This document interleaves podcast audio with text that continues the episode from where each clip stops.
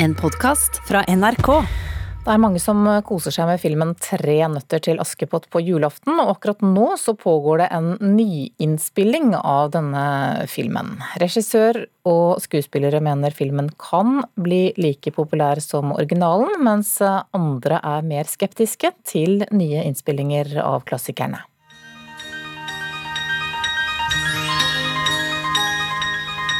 Disse klassiske tonene har du kunnet høre på julaften i snart 50 år. Nå blir det skrevet et nytt kapittel i Askepott-eventyret. For den norske nyinnspillinga av Tre nøtter til Askepott er i full gang i disse dager. Det er popstjerna Astrid S som skal tre inn i skoa til Askepott. Hun har et nært forhold til originalen. Så jeg tenker det er en viktig film, for jeg så jo veldig opp til Askepott i den originale versjonen.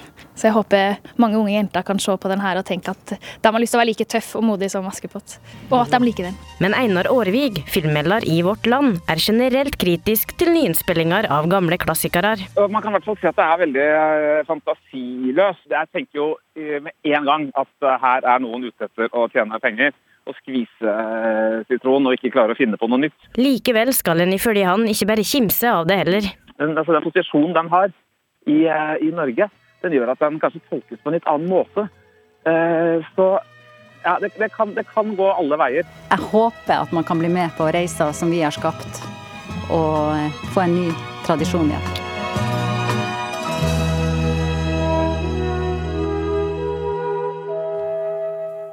Jeg er alltid litt glad i den der. ja, jeg blir veldig glad. Vi hørte til slutt regissør Cecilie Mosli, reportere var Oda Elise Svelstad, Knut Øyvind Hagen og Linda Marie Fedler.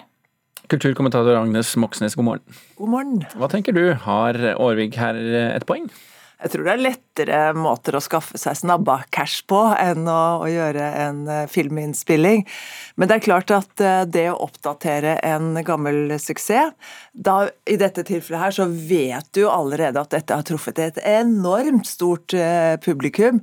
Så når du lager denne filmen, så lager du det ikke bare for liksom altså 20 tenåringer eller barn fra scenen. Du lager for barn, tenåringer, foreldre, besteforeldre og kanskje til og med oldeforeldre.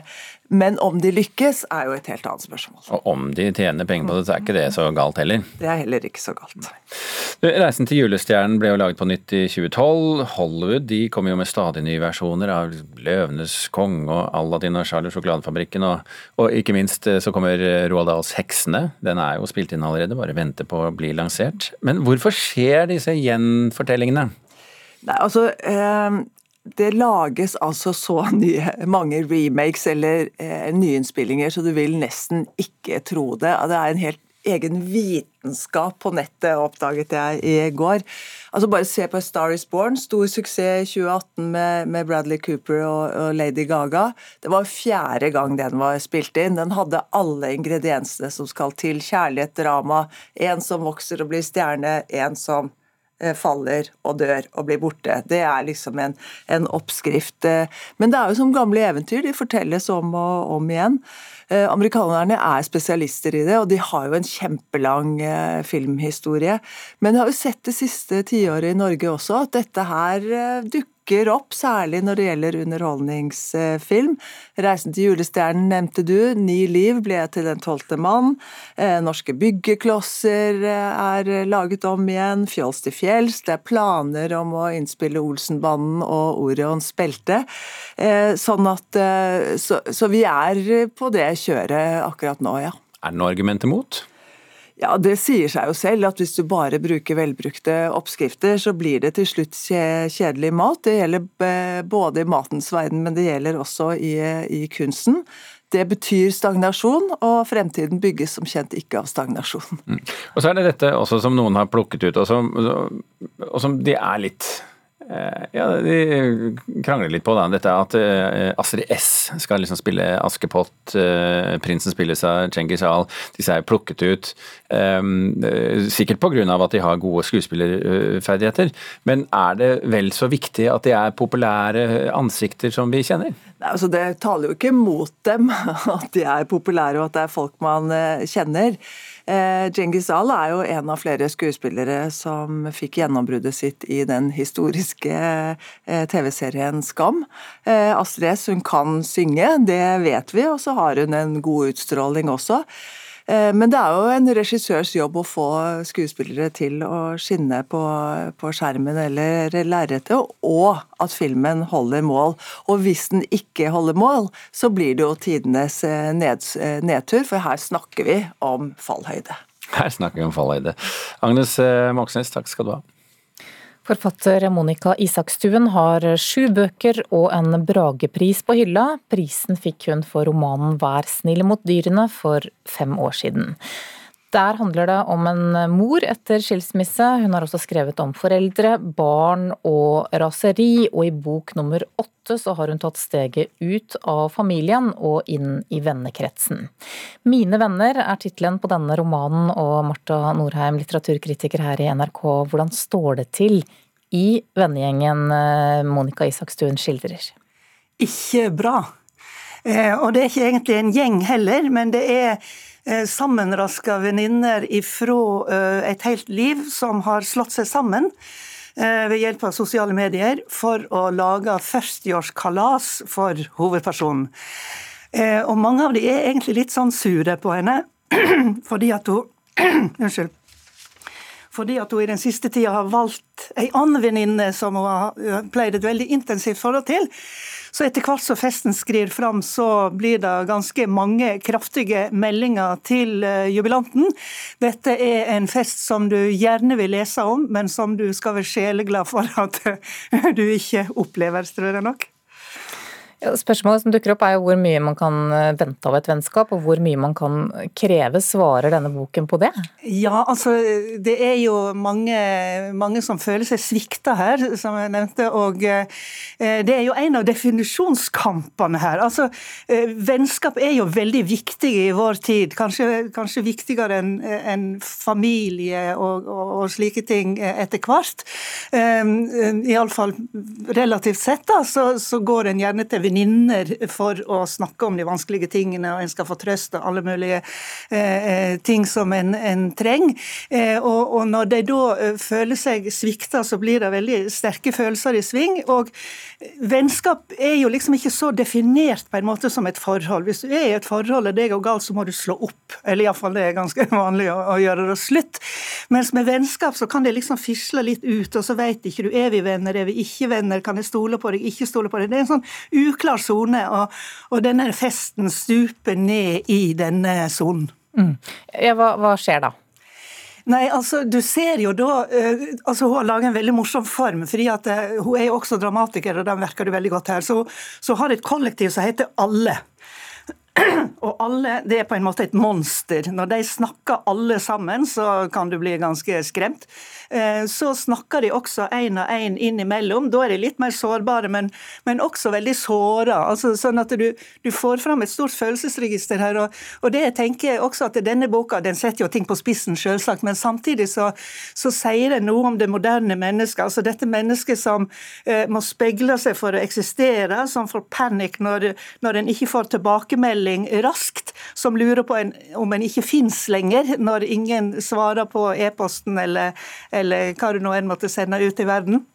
Sånn at det er den veldig akutte og veldig intense typen vennskap, som også er et veldig sårbart vennskap, som blir skildra her. Og det på en veldig morsom og skarp og, og vittig måte. Altså jeg tror alle vil kjenne igjen noe av dette her med sånn Jeg gir mer til deg enn du gir til meg, og her er en konto som ikke går opp, og, og du burde ha sett at jeg trengte deg, men du så ikke. Altså, det, det, er masse sånne greier som jeg tror eh, veldig mange vil kjenne igjen noe av, men her er det satt så innmari på spissen at det blir eh, skikkelig moro å lese. En god bok, altså. En god bok. Takk skal du ha. Du kan lese flere anmeldelser på nrk.no anmeldelser. La meg ta et siste overblikk før jeg bestemmer meg. Er det noen annen utvei for å stoppe munnen på ham en gang for alle? Nei. Dette er altså manøvermord, som mange kanskje husker. Og med oss nå, Gunhild Nymoen, sjef for lyddrama i NRK, god morgen. God morgen. Grunnen til at du er med oss nå, det er at eh, Radioteatret i NRK legges ned etter hele 95 år. Siden 1926 så har også NRK laget teater på radio. Nå er det slutt. Og mange av oss har jo vokst opp med dette her, elsket å høre på hørespill. Hvorfor legger dere ned eh, Radioteatret? Nei, altså Først må jeg si det vi sier er jo at vi legger ned Radioteatret som merkevare fordi at nytt lyddrama i NRK skal eh, oppstå. Men det vi så, det var at vi rett og slett begynte å miste lyttere på radio. Og samtidig så kommer det en stor eh, gullalder for lytting av lyd på podkast. Og når vi da snakket med de som hørte mye på podkast, så fant vi ut at de har ikke hørt om Radioteatret, de vet ikke hva hørespill er. Ehm, så da tenkte vi at her er vi nødt til å ta noen grep. Eh, rett og slett for å forsøke å finne ut hvordan skal vi nå nå ut med, med det nye. Men hørespill det, på, på, eller radioteater på podkast høres ut som en kjempeidé? Ja, og på et vis så, så, er det jo det vi kommer til å, å fortsette med. Ehm, det er jo fortsatt hørespill vi skal lage, men det vi er nødt til er å forsøke å fornye den sjangeren. Så Vi ser jo også at uh, dette kanskje er en litt sånn lignende reise som uh, Fjernsynsteatret hadde uh, i sin tid. Um, lyttevanene er i endring, og vi er nødt til å prøve å finne ut hvordan vi da skal klare å treffe bedre enn det vi har gjort tidligere.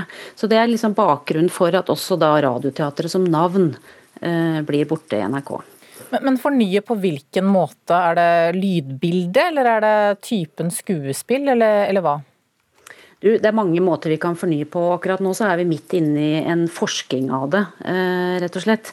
Men det handler nok mye om eh, måten vi spiller inn hørespillene på. Måten vi bruker studioene våre på. Skal vi være på location, kanskje? Ehm, det handler også noe om hvordan vi pakker inn eh, forestillingene våre, f.eks. med bruk av komponist og mange lag med lyd. Så det er mange forskjellige typer virkemidler. Og selvfølgelig handler det om hvilke historier vi forteller. Ja, hvordan skal dere klare å skape interesse og, og, fortelle historier som folk vil høre på, da? Nei, det vi har gjort nå er jo at vi har en ganske sånn stor brukerundersøkelse bak oss. Eh, så vi forsøker jo å finne ut da eh, vi, hvilke historier som er viktige, som folk har lyst til å ha der ute. Eh, så det er, eh, men vi må jo bare prøve nå. og Så vet vi også at det tar tid eh, å bygge nye podkastvaner. Så vi, vi, satser jo nå først til påske med grøssersjanger. Og så får vi se om vi klarer å treffe. Okay, men det er også en slags fornyet utgave da, av Radioteatret vi får høre i disse podkastene? Ja, det stemmer. Det er det det er. Og på et vis så går vi litt tilbake til røttene, eh, faktisk, i måte å spille inn på. Bortsett fra at vi bruker eh, mer moderne opptaksutstyr, selvfølgelig. Ok, Takk skal du ha, Gunhild Nymoen, sjef for eh, lyddrama her i NRK. Kulturkommentator Agnes Moxnes tilbake i studio. Er det med sorg du ser at Radioteatret forsvinner, slik vi kjenner det? Ja, men altså, Jeg hører jo ikke at Radioteatret forsvinner her, men eh, som, eh, som Gunhild Nymoen sa, eh, merkevaren Radioteatret forsvinner. Som merkevaren Fjernsynsteatret forsvinner. Men i prinsippet så er det jo Fjernsynsteatret som produserer Exit. Eh, også. Mm, men, Eller nå, da. Men likevel. Ja, jeg, ja, nei, ja, eh, absolutt. Eh, stor sorg. Eh, altså, arkivene er stappfulle av fantastiske radioserier. Fra barn og til Altså laget for barn og hele veien opp til voksne. Jeg kom jo fra før TV-tiden. Mm. ja, ja. Og jeg, jeg, har jobbet i NRK i over 30 år, så det sier seg jo selv at, at dette her er liksom hjertebanker for, for, eh, for godt radioteater eller hørespill eller hva man nå enn vil kalle det. Eh, og jeg mener jo at her kunne vel kanskje radioen ha vært litt mer på offensiven og gjort alle disse grepene eh, som nå skal eh, gjøres, og at, og at en del av, av, sendingene også må legges på de flatene som eksisterer. Og så er selvfølgelig podkast en, en, måte for fremtiden. Men altså det er, har aldri vært mer populært enn å høre på godt innhold i en mobil. Det er en suksess. Det er klart. Når dette er sagt og all sorgen til tross, var det likevel på tide? Nei, altså Det som er på tide, er jo å justere seg i, i, i, forhold til den tiden man lever i. Og det har NRK vært flinke til hele tiden. Vi er en av de mest største allmennkringkasterne i, altså i verden. Og dette sier vi helt ukritisk til eget ståsted, ja, men vi er, vi er faktisk det. Altså, vi har en veldig stor oppslutning av publikum, og det er jo fordi NRK har vært så på hugget hele tiden med å tilpasse seg og justere seg.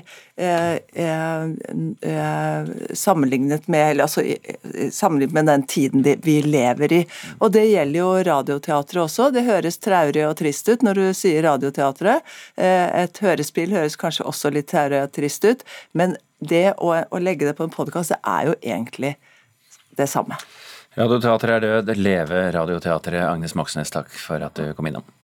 Du har hørt en podkast fra NRK. Hør flere podkaster og din NRK-kanal i appen NRK Radio.